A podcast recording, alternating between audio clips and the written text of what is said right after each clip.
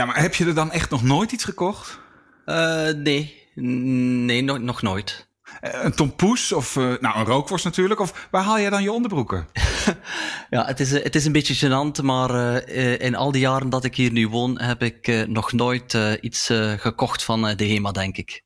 Ja, je weet niet wat je mist. Ja, eh, dit gaan we straks wel niet uh, vertellen in uh, de, de podcast, want uh, anders gaat het mijn integratietraject hier maanden achteruit zetten. Oh, en ik heb al lang op opnemen gedrukt en dit houden we er gewoon in. Daan boycott de HEMA en is een verrader van Nederland. De maatregelen die hier en elders worden getroffen zijn ongekend voor landen in vredestijd. Het wordt echt wel uh, stoelriemen vast de komende periode. Ja, dat staat dan bij deze uh, op, de, op mijn kerfstok. Uh, maar transparantie boven alles. Ik kan mij er wel in vinden. dan moeten we wel nog even zeggen dat jij Matthijs Bouwman bent en ik Daan Ballegeer. Ja, en dat iedereen welkom is bij de aflevering 11 van Ongekend in Vredestijd. Onze podcast over de economische gevolgen van de coronacrisis. En ja, u heeft het al geraden. Vandaag gaan we het dus hebben over de Hollandse eenheidsprijzenmaatschappij Amsterdam de eerste poundshop uh, van de wereld. Dat was gewoon de HEMA. Maar niet alleen over de HEMA, maar ook over andere grote bedrijven waar de regering tijdens deze coronacrisis geld voor uittrekt of geld voor lijkt uit te trekken. Want er gaan veel nationalisaties komen, veel reddingen. En dat doen we allemaal met ons belastinggeld, zoals dat, uh, zoals dat wordt gezegd in uh, goed rechtsgebruik. Onze belastingcenten, Daan. Is dat wel zo verstandig? Eh, een goede vraag en ik hoop dat we daar ook een goed antwoord op eh, bedenken. Uh, maar daarna, alvast even aankondigen, gaan we spreken met Karsten Brzeski, de hoofdeconoom van ING Duitsland. En dat voor onze soaprubriek Neighbors. En Karsten die gaat ons uitleggen hoe ze in zijn heimaat de crisis aanpakken. En daar heb ik eigenlijk wel heel veel zin in. Maar ja, nu eerst rompertjes en rookworsten.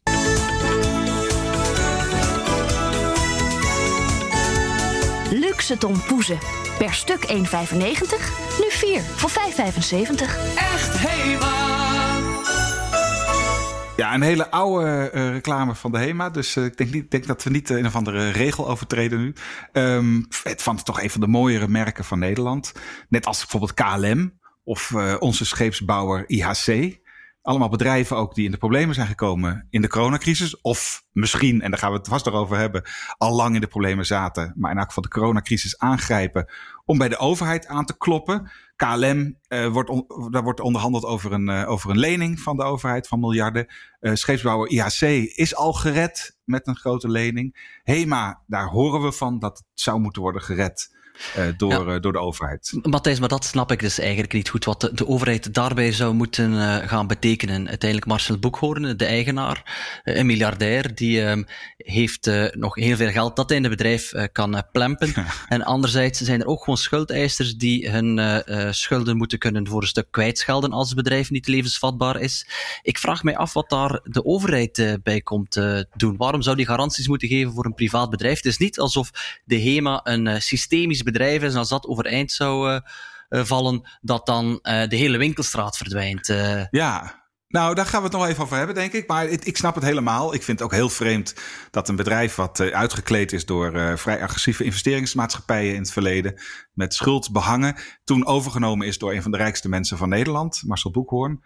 Ja, dan verkoopt hij gewoon de panda's, zou ik zeggen. Hè? Dat als hij, als hij geld nodig heeft, dat daar de overheid eh, geld bij moet leggen. Maar je vergis je wel in één ding. HEMA is in Nederland emotie. De HEMA is uh, ja, een soort oranje gevoel. Het idee dat wij fantastische merk, merken hebben, fantastische winkels hebben. Weinig geld betalen voor hele mooie spullen. Dat is natuurlijk precies wat de Nederlander wil, uh, Daan.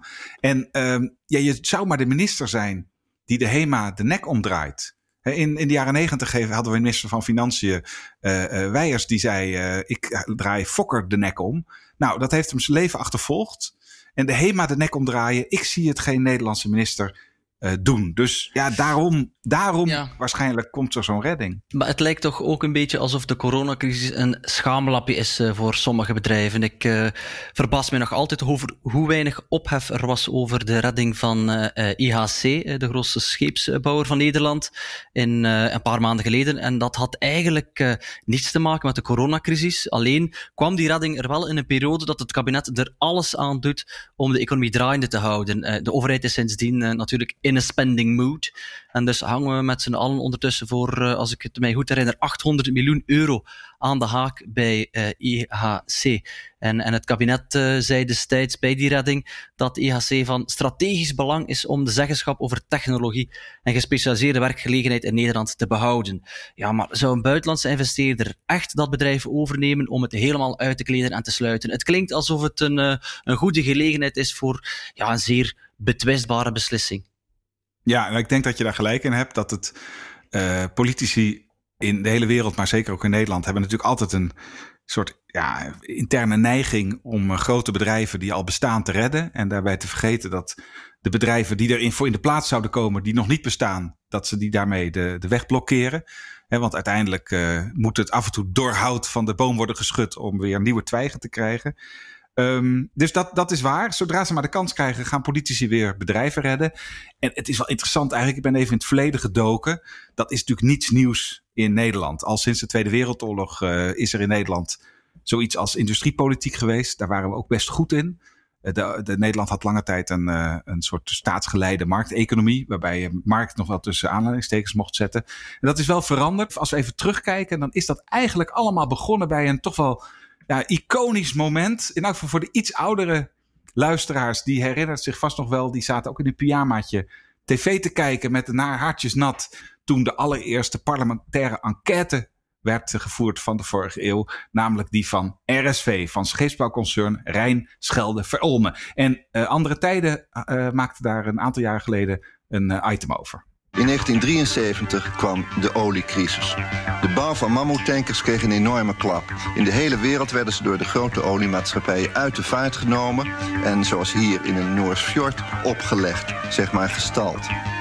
Om geen werven te hoeven sluiten, werkgelegenheid te behouden en RSV door de crisis heen te sleuren op hoop van betere tijden, werd de overcapaciteit, die er ook voor de oliecrisis al was, met instemming van de overheid in stand gehouden.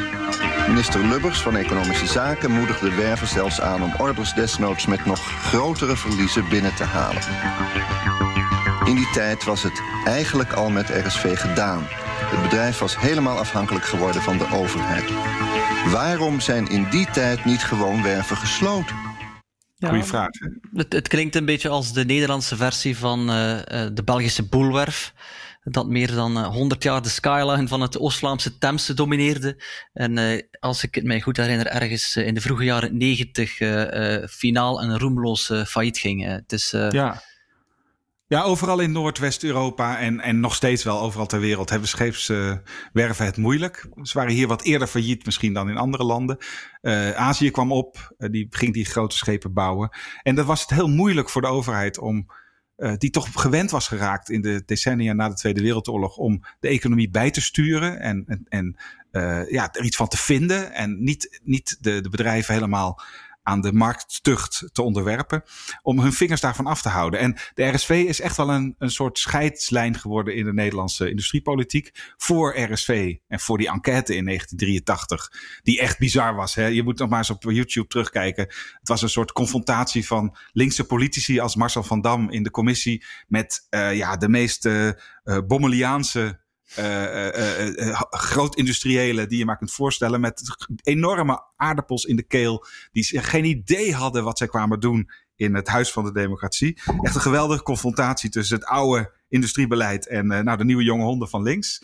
Maar dat sinds die RSV-enquête is daar, is daar echt wel verandering in gekomen. Dus als je het goed vindt, Daan, doe ik even een heel kort, hele korte terugblik op de opkomst en ondergang van het staatskapitalisme in, in Nederland. Akkoord? Ik ben echt heel, heel benieuwd. Uh, Laat je gaan. nou ja, dus de Tweede Wereldoorlog geweest. Uh, toen hadden we staatskapitalisme nodig. Net als in alle landen die, die moesten herstellen, was natuurlijk de overheid die, die, die, die touwtjes in handen nam met allerlei regels en wetten en valutabeleid om te zorgen dat de goede industrieën de goede grondstoffen kregen. Nou, hij heeft heel goed gewerkt. In de wederopbouw hadden we de overheid hard nodig. In de jaren zeventig werd er nog een soort nastoot gegeven onder het kabinet Den Uyl met het idee dat we misschien wel de hele industrie moesten nationaliseren.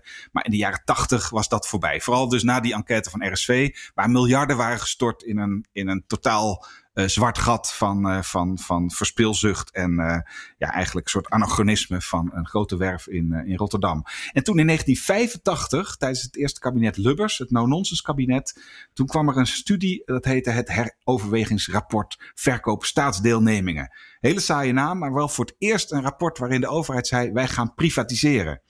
En de, het nieuwe principe werd geformuleerd, privatiseren tenzij er een doorslaggevende reden is om een staatsdeelneming, dus een overheidsaandeel, te continueren. Dus je moest plotseling een soort omkering van de bewijslast. Je moest nu uitleggen waarom de overheid zou participeren in een bedrijf. En anders werd het geprivatiseerd. Nou, Ruud Lubbers deed dat in de jaren 80. Uh, Wim Kok onder de Paarse kabinet deed dat in de jaren 90. En een hele reeks van bedrijven werd toen naar de beurs gebracht. Er werd staatsaandelen verkocht. Hoogovens, het huidige Tata Steel, DSM, DAF, de Postbank geprivatiseerd.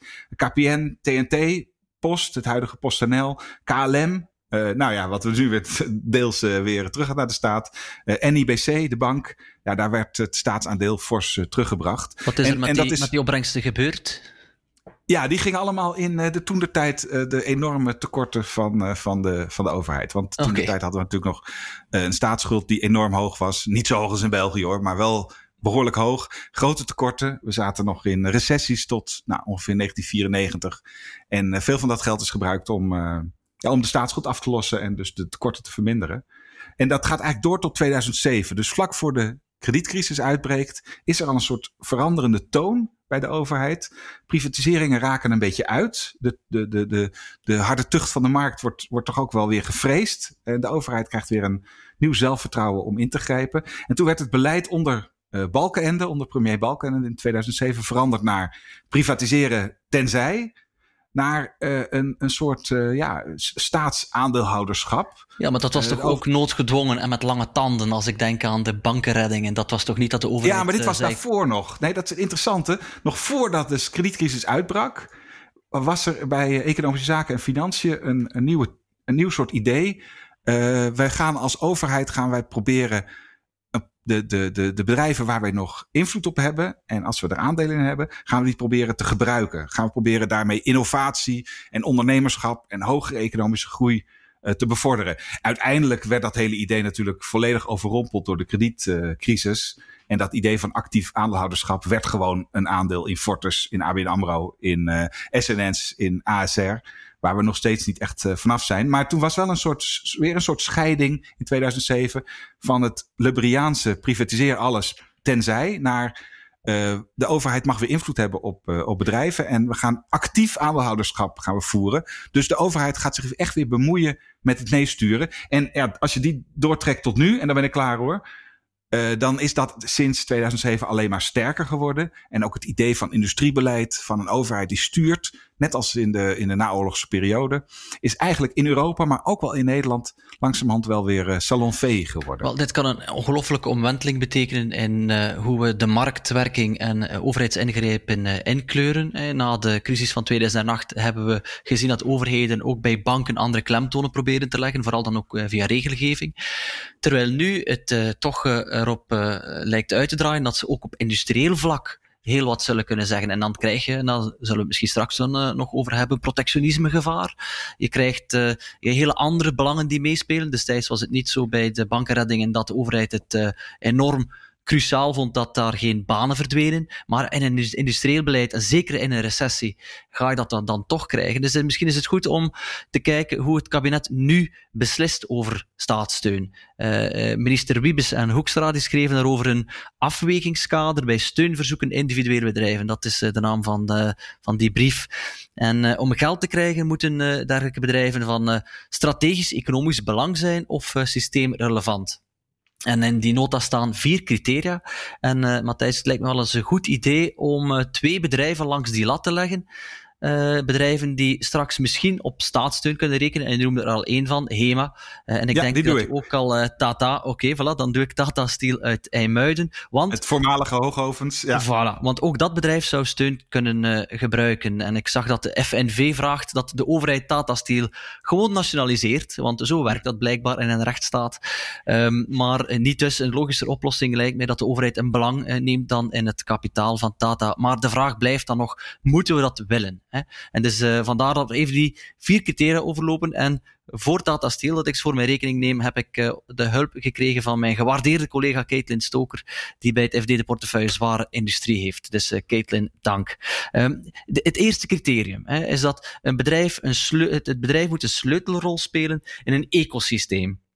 Denk bijvoorbeeld aan het high-tech cluster rond de DTU Eindhoven en ASML of uh, het voedselcluster rond de Wageningen ja. Universiteit. Ja, Matthijs, voor HEMA. Is dat zo? Ja, dat is ook een beetje het argument wat voor de KLM is gebruikt natuurlijk. Hè. De KLM is Schiphol. Schiphol is belangrijk voor vestigingsklimaat.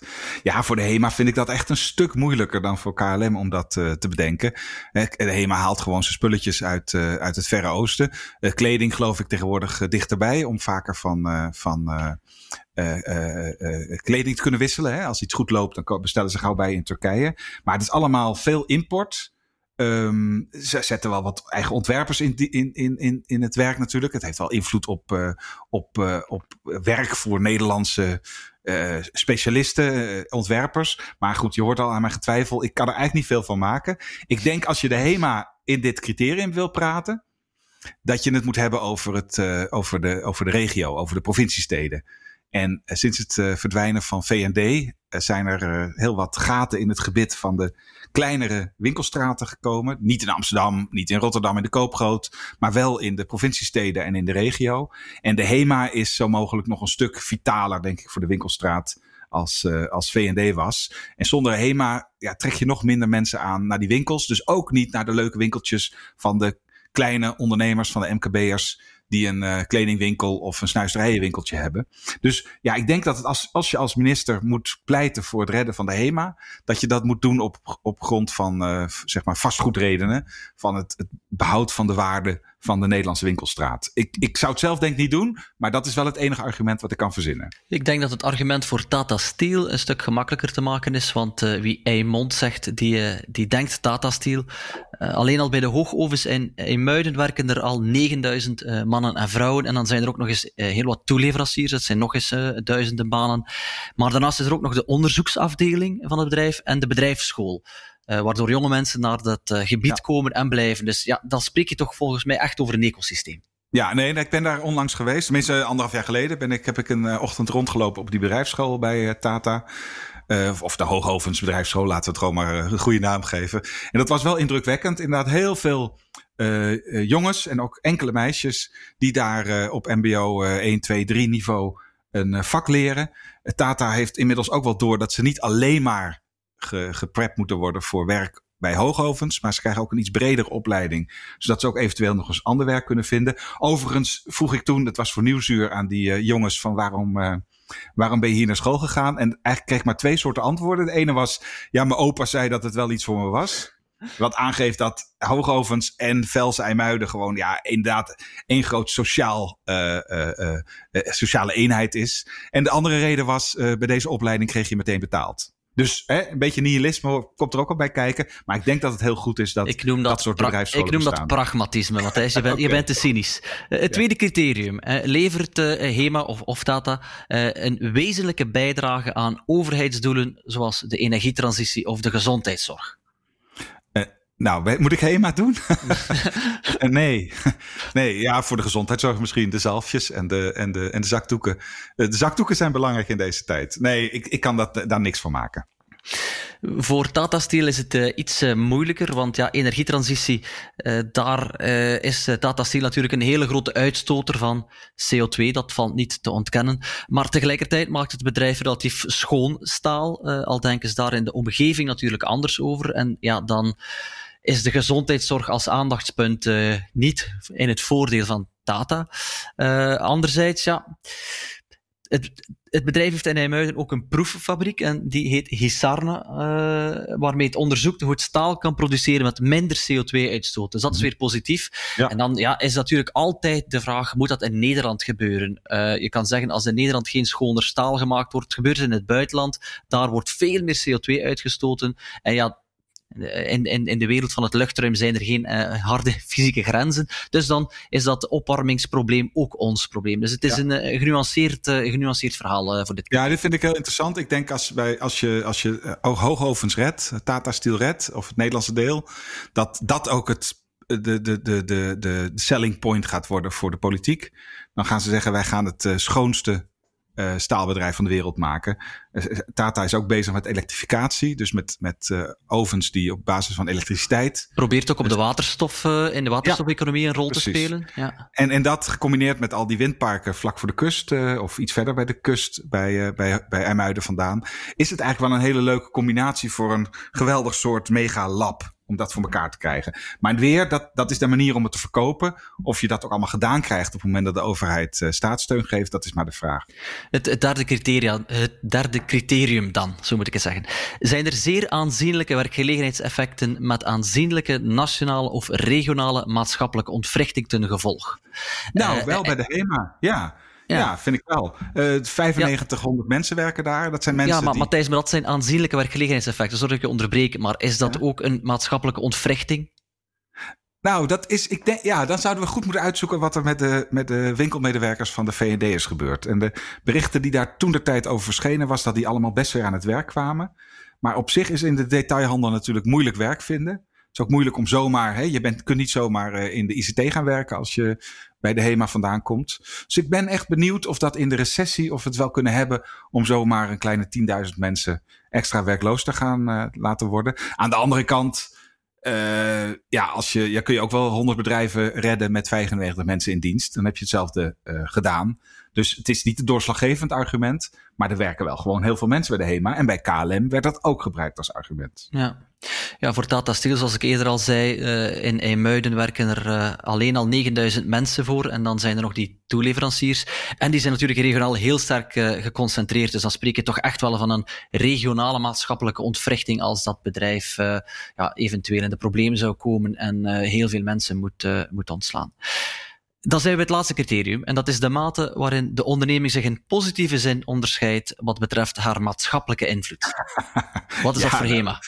De HEMA is één en al positieve maatschappelijke invloed natuurlijk. Die geven mensen een lach op hun gezicht als ze een tompoes eten. En, en maken kinderen tien keer leuker omdat ze een Fiep Westerhuis rompertje aan hebben. Nee, dat, uh, dat, dat lijkt me het doorslaggevende punt. Hmm. Um, Iedereen houdt van de HEMA. Ja, ik niet door trouwens. Ik niet al te veel. Ik ben nu echt reclame aan het maken. Ik kom er eigenlijk niet zoveel. Maar het schijnt dat iedereen houdt van de HEMA. Dus dat is, nou, waarom redden we uh, eh, RKC? Waarom redden we Fortuna Sittard? Waarom redden we al die andere voetbalclubs? Nou, dan moeten we ook de HEMA redden. Over voetbalclubs uh, gesproken, ik denk dat Tata Steel Telstar uh, sponsort. Ja. Uh, en dat, dat doet ze daarnaast nog voor heel veel andere regionale organisaties. Dus in die zin draagt ze toch wel een maatschappelijke positieve invloed uit daartegenover kan je natuurlijk niet ontkennen dat er een grote impact is op de omgeving, eh, met name op het gebied van eh, gezondheid, luchtvervuiling, stankoverlast, CO2-uitstoot. Dus eh, ook daar ja, een genuanceerd verhaal. Als je die vier criteria samenneemt. Nee, Ik wil nog één ding over Tata Steel dan zeggen, want sorry hoor, maar ik weet dat we weinig tijd hebben, maar het is te leuk voor woorden. Bij Telstar, die stelt zijn stadion open voor Nederlandse les voor de voetballers die geen Nederlands spreken uit van Telstar dus die, die, die, mhm. die, gaan, daar dan, uh, gaan dan daar op les. En uh, dat doen ze ook voor uh, leerlingen die dreigen te, uit te droppen in die regio. Dus als je nou een drop-out bent op middelbare school, dan kun je gewoon naast de spits van Telstar kun je gaan zitten om, om je Nederlands en je Engels bij te spijkeren. Dus Telstar, als we één bedrijf moeten redden in Nederland, is het Telstar. Dat is het meest sympathieke professionele voetbalbedrijf wat we hebben een hele duidelijke aanbeveling die uh, een commissie die erover gaat uh, ongetwijfeld zou aannemen. Maar uh, de vraag is verder, wat moet die commissie nog allemaal gaan beslissen? En wie moet daar dan in zitten? Heb jij daar dan ideeën over? Ja, ik, ik denk inderdaad dat het, dat het belangrijk is, wat mij betreft, dat de overheid dit niet in zijn eentje blijft doen. We krijgen nu een soort ketting aan nationalisaties de komende jaren, of de komende maanden. Uh, elke keer weer een soort ad hoc besluit of het wel of niet een sympathiek bedrijf is. Nou, HEMA vind ik dan sympathiek, red het maar. Maar het volgende bedrijf mag weer uh, kapot gaan, want dat uh, kennen we niet. Ja, dat is eigenlijk, kan de politiek dit soort besluiten wat mij betreft niet aan. Ik zou inderdaad pleiten voor een soort staatscommissie nationaliseringen of overheidssteun met een paar oude bankiers, een paar oude mopperkonten die gewoon echt aan de hand van die criteria die wij net noemden echt aflopen of een bedrijf wel of niet uh, steun verdient. En ook de verantwoordelijkheid neemt dat zo'n bedrijf dan kapot gaat. En dan kan de minister zeggen: Jongens, sorry, Tweede Kamer, ik wil het ook niet. Ja, maar het moest van de dit is, dit is een oude twistpunt tussen jou en mij, waar we al uh, vaker over gebakkeleid hebben. Ik ben het er helemaal niet mee eens. Uh, goed dat er input komt van experten en deskundigen en, en wat nog allemaal. maar het is en blijft het het primaat van de politiek om die beslissing uit te leggen. Het gaat over belastingsgeld. Je kan niet aan technocraten de zaak toebedelen om uit te leggen uh, waar geld naartoe gaat en uh, wat niet. Bij de voorbeelden van Tata Steel daarnet, ja, die geven duidelijk aan dat je een keuze moet maken. Ga je als samenleving zeggen, we willen schoner staal, hè, want dat is in ons allers belang, maar dat is negatief voor de mensen die hier wonen. Dan moet je dat ook aan die mensen uitleggen. En al, dat alleen overdragen aan een, een, commissie en dan vervolgens in het parlement zeggen van ah, die commissie daar, die heeft het beslist, dus we moeten het uitvoeren. Ja, dat, dat daarvoor heb je toch verkozen. Ja, daar, heb ik eigenlijk wel sympathie voor, voor je argument. Hoewel dat, uh, ik, ik, ik ben het niet met je eens hoor, maak je geen zorgen. maar ik vind dat een sympathiek argument. Uh, alleen ik denk toch dat, uh, dat op het moment dat we het aan de politiek overlaten, dat is dus het samenspel van lobby van goed georganiseerde bedrijven die via VNO-NCW kunnen aankloppen bij de politiek, bij Kamerleden die allemaal hun eigen uh, lobbytje krijgen, dat we dan gewoon veel te veel bedrijven gaan redden. Dus ik zie de commissie veel meer als een soort rationele stop op, het, op de neiging van de politiek om toch vooral geen werkloosheid te laten ontstaan. En in deze tijd van oneindige miljarden is dat echt wel het gevaar, denk ik. Dat er veel te veel overeind wordt gehouden. En dan is dat maar een beetje ondemocratisch. Ik, maar er is toch een mooie tussenpositie. Er, er, zijn toch in Nederland genoeg uh, gremia waar uh, experten in zitten. En als die een advies geven, is, geven, is het bijna uh, onmogelijk voor de minister om dat advies niet om te zetten in het beleid staat. Je zou... Het plan, planbureau of zo? Of het... ja, Wie moet dat zijn? Ja het zou een, een, orgaan moeten zijn dat zoveel, met zoveel auguste uh, deelnemers, dat die een advies kunnen geven waar het heel moeilijk is om, uh, dat, waarvan het heel moeilijk is om het gewoon naast jou neer te leggen. Maar het is uiteindelijk, uiteindelijk altijd de minister die de beslissing moet kunnen nemen.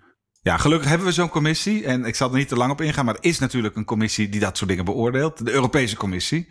Uh, dat is, uh, dat, die, die zijn uiteindelijk zijn die de hoeder van de interne markt. En de interne markt wordt natuurlijk bedreigd als alle landen zelf een beetje hun, uh, hun, hun, hun industrie gaan redden. Dus de Europese Commissie, helaas heeft hij wel gezegd, of misschien wel goed ook in deze tijd, uh, het wordt veel makkelijker de komende tijd om, uh, om, om uh, bedrijven te redden. Ze hebben zelfs een 24 uurs desk opgericht, waarin je binnen 24 uur, als het goed is, een antwoord kunt krijgen als overheid of je je bedrijf wel of niet mag, mag redden. Maar de Europese Commissie is misschien wel die commissie die ik bedoel die gewoon met de wet in de hand, met de, met de econom, economische ratio zegt: nu gaat het te ver. Dit is niet, ja. niet meer het redden van bedrijven. Dit is gewoon nationalistisch uh, industriebeleid. Hoeveel mag je daarvan verwachten? Uh, je zegt zelf: uh, op hele korte termijn geven ze een antwoord. Um, het zijn ongetwijfeld knappe koppen hè, daar in Brussel, maar hoe ga je in godsnaam op uh, 48 uur de positie van een bedrijf beoordelen, kijken wat de, de gevolgen zijn van de staatssteun voor zijn concurrenten? Uh, moet je dat dan automatisch ook aanvaarden voor die concurrenten in andere ja. landen? Dan krijg je een overaanbod. Uh, als ik uh, zie dat Frankrijk alleen al 22 miljard euro pompt in zijn luchtvaart- en defensieindustrie, en de automobielsector krijgt daar 8 miljard toegestopt, met de wel vrij dwingende suggestie dat de autofabrikanten uh, productie uit het buitenland naar Frankrijk moeten halen. Dan denk ik dat is toch een, een probleem voor de interne markt. Dat moet de Europese Commissie dus niet toestaan. Helaas, als Frankrijk of Duitsland iets uh, willen, dan gaat het meestal toch door.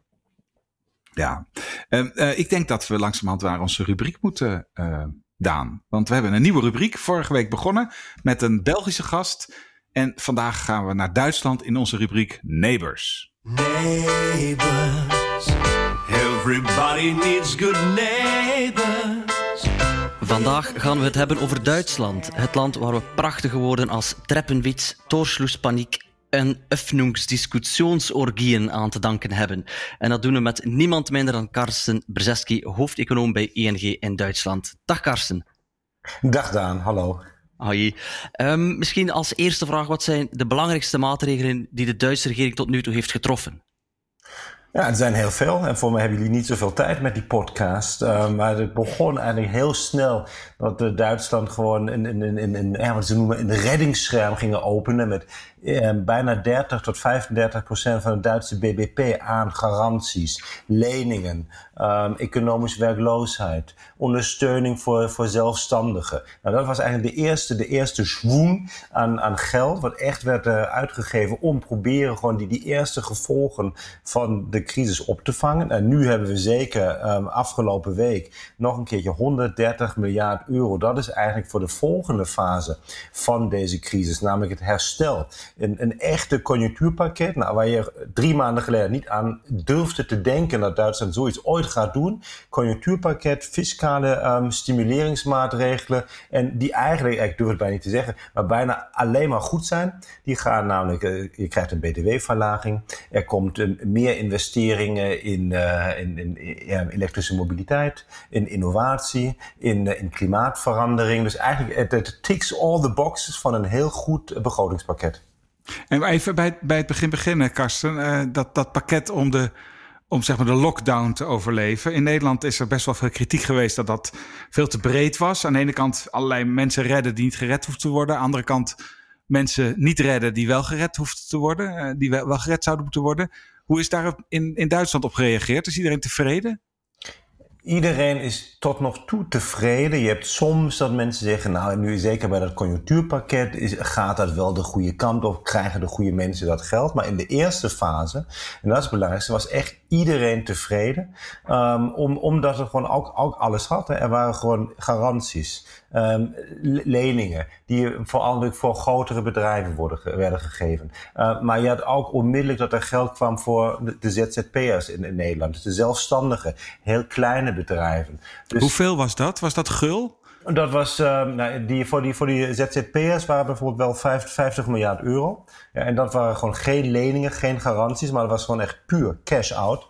Um, en, um, en de garanties, nou, daar heeft Duitsland het voordeel, ze werken samen met de KfW. Nou, dat is een beetje de, Duitse Europese investeringsbank. En, uh, en daarmee heeft, kunnen gewoon heel veel garanties worden gegeven. Daarmee kan, kan je ook uh, goedkope leningen geven. En, uh, en da, daar spreken we echt over bedragen van 500, 600 miljard euro. Je had het daarnet over het belang dat geld bij de juiste personen terechtkomt. In het uh, jongste stimuluspakket uh, dat je daarnet aanhaalde van 130 uh, miljard. Daarin staat ook een verlaging van de BTW van 19% naar 16% en van het tarief van 7% naar 5%. Ja, dat zou 20 miljard kosten, maar is dat ook goed beleid? Ik vraag me af, zullen bedrijven hun prijs niet gewoon verhogen en de btw-verlaging dus opsle opslikken? Um, ik denk dat dat inderdaad het risico is. Je, je hoort ook nu van, van de eerste bedrijven of winkeliers die zeggen: wij krijgen technisch helemaal niet voor elkaar om, om binnen drie weken zo'n zo'n belastingverlaging uh, door te voeren. Ik moet zeggen, ik ben er eigenlijk gewoon iets, um, ja, iets meer ontspannen in. Want stel dat het niet wordt doorgegeven aan, aan de consument, dan blijft het wel bij de bedrijven. En dat zijn natuurlijk wel weer de bedrijven die daarmee dan hun kapitaalbuffers kunnen verhogen. Die daarmee ook eerder in staat zijn om, om wel voor de werkgelegenheid te zorgen. Dus ik denk voor, vanuit een macro-economisch perspectief maakt het bijna niet zoveel uit um, waar dat geld terecht komt. Ja, natuurlijk wil je het liever bij de consument, zodat je dan ook die, die echte stimulering krijgt. Dat wat je hoopt van een tijdelijke btw-verlaging. Um, maar wat ik denk is dat het zeker in sommige gevallen wordt het doorgegeven. Um, er zullen zeker sectoren zijn waar bedrijven eerst gaan proberen om het niet te doen. Maar zeker daar waar de concurrentie hoger is, daar, daar worden die btw-verlagingen doorgegeven er gaat vrij veel geld naar sectoren. De autosector krijgt uh, een duidelijke steun in de rug.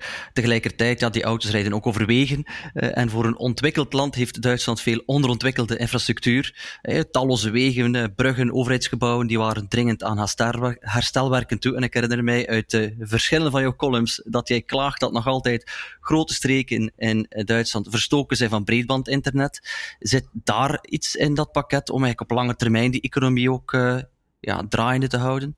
Ja, daar zijn ze al iets eerder mee begonnen. Dat is het positieve. Dus dat is ook van feite nu het voordeel dat wij gewoon met een, met een super, super verbinding hier die, die podcast kunnen, kunnen opnemen. Omdat ook ik het geluk heb eindelijk snel internet te, te hebben. Wat je, wat je zag is, de Duitse politiek is wel inmiddels wakker geworden. En zelfs al voor corona. We hadden vorig jaar al een soort van eerste investeringspakket uh, wat, wat werd aangekondigd. We hadden een eerste Green Deal voor Duitsland, voordat die, die Green Deal kwam van, uh, van de Europese Commissie. Um, dus ze zijn al duidelijk mee begonnen. Dat is veel te laat. Dat zou veel meer moeten zijn. En het positieve nu aan het conjunctuurpakket is um, dat het precies op dezelfde um, knoppen aan het drukken is. Dus je ziet dat geld gaat wel, ook veel uh, elektrische mobiliteit, maar er gaat ook meer geld naar de spoorwegen. Er, er, gaat dus ook meer geld weer in digitaliseren. Dus eigenlijk al die pakketten die voor corona al werden aangekondigd, waar, waar vaak veel te weinig geld op tafel werd gelegd, daar wordt nu gewoon dat geld heel duidelijk verhoogd. Maar eerlijk gezegd, ik vind het toch wel verbazend hoor, Karsten. Uh, Duitsland was echt van de zwarte nul, toch? En, en, ja. en, was, heeft ons allemaal verteld. Uh, begrotingstekorten zijn slecht. Uh, recessies moet je doorkomen met nou, misschien wel een beetje leaning against the wind. Een klein beetje meebewegen. Maar uiteindelijk moet gewoon weer het begrotingstekort worden weer, wordt, wordt weer onder controle gebracht. En nu dezelfde regering met dezelfde bondskanselier.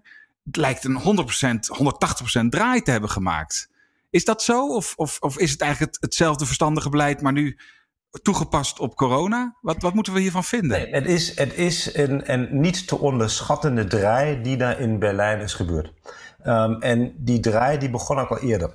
Um, want dat is best interessant. Je, je ziet dat um, op het ministerie van Financiën um, heel veel nieuwe figuren zijn gekomen. Dus we, kennen allemaal nog uh, Wolfgang Schäuble. Dat was inderdaad de man van bezuinigen en structurele hervormingen. Dat was de man die wilde dat eigenlijk heel Zuid-Europa net zo gaat worden als, als uh, Duitsland qua economische structuur. Nou, nu hebben we sinds de laatste, laatste verkiezingen zit er gewoon Olaf Scholz.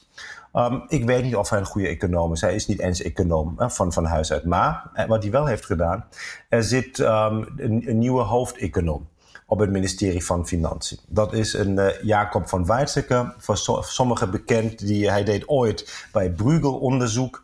Uh, hij is ooit begonnen met, met onderzoek over, over eurobonds, zo bijna tien jaar geleden. Um, die is veel opener, die is veel flexibel, veel pragmatischer. Zijn voorganger, meneer Soeknecht, dat was meer of minder de, de chef-ideoloog van het ministerie van Financiën. Dus hij, hij, leefde en, en ademde bezuinigen. Um, nou, dan heb je gewoon de staatssecretaris van, van Financiën onder Scholz. Dat is gewoon een, uh, een uh, co-CEO van Goldman Sachs hier in Duitsland geweest. Nou, die zit daar nu ook aan, de knoppen. Dus je hebt een heel, dat is interessant, je hebt een heel nieuw, andere generatie aan economen op het ministerie van Financiën die pragmatisch zijn, die, uh, die een veel andere rol zien voor Duitsland, maar ook van het begrotingsbeleid. En, um, en vandaar, het zat er al een klein beetje in. Al 2019, daar was die hele verandering gaande. Ook de, ook de, de economen in Duitsland. Het waren niet alleen maar een paar gekken die zeiden: luister, je moet meer investeren. Het waren niet alleen maar internationale economen, maar nu ook de Duitse economen. Ja, van, van onderzoeksinstituten, van, van, uh, van universiteiten. Die zeiden: hey, er is een negatieve rente. Um, je hebt gewoon gebrek aan investeringen. Je hebt een gebrek aan digitalisering, aan infrastructuur. Geef geld uit. Nou, en nu is van deze crisis gekomen en een, een, enorme versnelling dat Duitsland dat nu wel in feite heeft, heeft uh, ja, overgenomen. En uh, het zijn zowel Scholz, ik denk ook Merkel, um, die echt deze, zoals je goed zei, Matthijs, dat is 180 graden draai. Um, maar Karsten, Karsten, als, ik, als ik even mag vragen, je hebt het over nieuwe personen uh, die uh, nieuwe ideeën binnenbrengen en dingen anders doen. En tegelijkertijd had je diezelfde zijn daarnet Angela Merkel, uh, die al zo lang op post is. En dan vraag ik mij af, ja, zij heeft ook Europees haar nek uitgestoken met dat Europese herstelfonds. En jij omschreef dat als een late liefdesverklaring aan Europa en een laatste politieke stunt. nu, dat was niet zonder onvrede uit haar eigen partij, waar ja, de in de coulissen staan, misschien wel met, met lange messen. Hoe duurzaam zijn die Europese standpunten van, van Merkel als ze straks... Eh, want ze heeft duidelijk gezegd dat ze niet voor die nieuwe termijn gaat. Dus hoe duurzaam is dat? Ja, dat weet je in de politiek nooit. Um, bij, het is, bij haar is het heel duurzaam, omdat het grote verschil van deze crisis vergeleken met um, de eurocrisis of de financiële crisis is, hier niemand heeft schuld. Hè. Schuld is in Duitsland een heel belangrijk woord. Um, dus het zijn niet de Zuid-Europese landen die nu um, vanwege een, een, een eh, zeg, verkeerd economisch beleid in deze situatie zijn gekomen. Het komt door de virus. En dat maakt die, die hele, dat maakt de analyse anders, maar ook, maar ook de beleidsaanbevelingen, de conclusies van Merkel heel anders. En ik denk maar in Nederland niet, hè? In Nederland hebben we het nog steeds over schuld. En een onderzoek naar of Italië wel goed zijn geld heeft uitgegeven de afgelopen jaren. Ja, en, en dat is in draai. En die is staan, die is denk ik wel, wel ja, houdbaar, houdzaam. Want als je, dat gaat verder dan Merkel. Je hebt ook mensen uit haar eigen partij die nu duidelijk zeiden, ook bij dat hele voorstel voor een Europees herstelfonds. Die zeiden gewoon, er zijn twee redenen waarom we dat doen. Eén reden is echt solidariteit in Europa. Is geen, geen enkel, er mag geen enkel vraag. Dit gaat hier over, over solidariteit in Europa. Punt 1. Punt 2, ook dat werd echt heel duidelijk in, in ieder geval in de Duitse media gespeeld. Eigen belang. Want uh, we hebben het over, over de belangrijke exportmarkten voor Duitsland. Dus dat, is, dat, dat zijn duidelijk de beweegredenen voor de, de regering. En als je dan kijkt, ja, binnen haar eigen partij zou niet iedereen het daarmee eens zijn. Uh, maar als je dan in, in de breedte van de Duitse politiek kijkt, dan zie je gewoon SPD is ervoor, de Groenen, uh, waar nu de laatste tijd niet meer zo vaak over praten, maar die ook zeker kandidaat zijn voor de volgende regering. Um, dan, dan zie je gewoon dat daar is heel veel steun um, voor Europese solidariteit. Dat betekent niet gewoon dat er eurobonds moeten komen. Ik denk dat is een groot verschil. En dat is Merkel, denk ik, beter gelukt dan sommige andere politici. Om, de, om dat onderscheid te maken tussen um, zeg, tijdelijke Europese solidariteit. Zonder daar gewoon echt op, op elk centje te letten. Maar niet in feite in, in, uh, in, in, in één boot te stappen over dan eurobonds en een blijvende uh, vergemeenschappelijke van schuld. We hadden vorige week een gesprek met, uh, met Jasper Doren van de Tijd. En toen ging het over de Belgische regering, die uh, wat met, ja, met spuug en paktouw aan elkaar hangt. Uh, en die toch deze crisis moest aanvliegen. In het begin lukte dat nog vrij goed. Ik moest eraan denken, want ja, die grote coalitie in Duitsland is ook geen grote liefdesgemeenschap. was dat iets dat geeft geholpen, uh, die, die, die zakelijke verstandhouding die ze hebben om die crisis heel nuchter aan te pakken? Of, of uh, ontbreekt er toch een soort ja, um, lijm in die coalitie nog om hier nu verder een succesverhaal van te maken? Het heeft zeker geholpen. Zo'n crisis is een crisis voor bestuurders. En, nou, en, en als je echt één superbestuurder nodig hebt, dan is het Angela Merkel. Um, Olaf Scholz, minister van Financiën, hetzelfde verhaal. Ook de minister van Economische Zaken, Peter Altmaier, uitstekende bestuurder. Ja, die hebben dan misschien geen van de drie de uitstraling waar je dan uh, op, op, een talkshow s'avonds uh, urenlang naar wilt kijken en luisteren. Maar zij hebben gewoon, zij, zij, zij werken zich in, um, in, in, de, in de briefings, in de dossiers. Um, en, en ze hebben een heel hoge geloofwaardigheid. Dus het, het, zijn serieuze bestuurders. Dat heeft enorm geholpen en verklaart ook waarom, als je nu kijkt naar de opiniepeilingen, ik denk hè, bijna elke Duitse zou Angela Merkel nog een keertje voor de vijfde, voor de vijfde termijn willen kiezen. Is daar een kans op? Hm? Is daar een kans op? Nee. Nee? maar het mooie, het mooie, het mooie aan, aan, aan Merkel is echt, zij is zo eerlijk. En uh, zij heeft nu ook voor de televisie gezegd, ze heeft er helemaal geen zin in. Dus nee. Ze stopt gewoon als ze stopt. De laatste vraag om je af te sluiten. Uh, begint Duitsland steeds meer te lijken op Frankrijk? Uh, want uh, ongeveer de helft van alle toegekende staatssteun in Europa voorlopig is voor Duitse rekening. en we kijken graag naar Frankrijk als de grote staatsinterventionisten. de, de regering is nu echt in Duitsland heel veel aan het doen om bedrijven overeind te houden. trekt dat de Europese verhoudingen niet scheef? Iets wat, wat de Duitsers vroeger de Fransen verweten? Ja, dat mag je natuurlijk niet tegen een Duitser zeggen, want inderdaad, dat, klinkt meteen als een verwijt. Ja, van, is Duitsland nu zeker bij economisch beleid net zoals Frankrijk? Nee, helemaal niet. Um, maar natuurlijk heb je gelijk. Dus uh, wij gaan, het, het, gaat precies deze kant op. En, um, en ook als je, en, los van natuurlijk en, en nu een, een heel proactief begrotingsbeleid, maar dat andere is als je kijkt hoe nu bedrijven worden gered. Um, ook als je kijkt hoe de regering, maar dat, is ook al, dat was al voor corona gaande, als hoe, hoe beschermend de Duitse regering nu is voor zijn eigen bedrijven. En, dan niet zozeer tegen overnames vanuit andere Europese landen, maar veel meer vanuit China vanuit het buitenland. En, uh, en, en, en, en die, die hele, zeg, als je naar terugkijkt, um, die het, uh, de strategie van de Europese Unie, hoe om te gaan met China in de toekomst, nou, daar, was, uh, daar was ook een enorme Duits-Franse um, invloed op. Dus die, en vandaar ben je wel meer interventionisme, um, beschermende. En je blijft hopen dat er gewoon vooral die, die Europese perspectief daar is. En die is er nu zeker. Oké, nou Karsten, echt heel bedankt voor deze inzichten. Uh, au revoir zou ik bijna willen zeggen, of bonjour. Uh, we spreken je vast nog een keer. Bedankt voor je bijdrage. Graag gedaan. Bedankt voor het luisteren en bedankt ook voor jullie mails met kritiek en bijval. Blijft die vooral sturen naar ongekendinvredestijd.fd.nl. En mocht je ons volgende week weer willen horen, abonneer dan gewoon op deze podcast in je favoriete podcast app.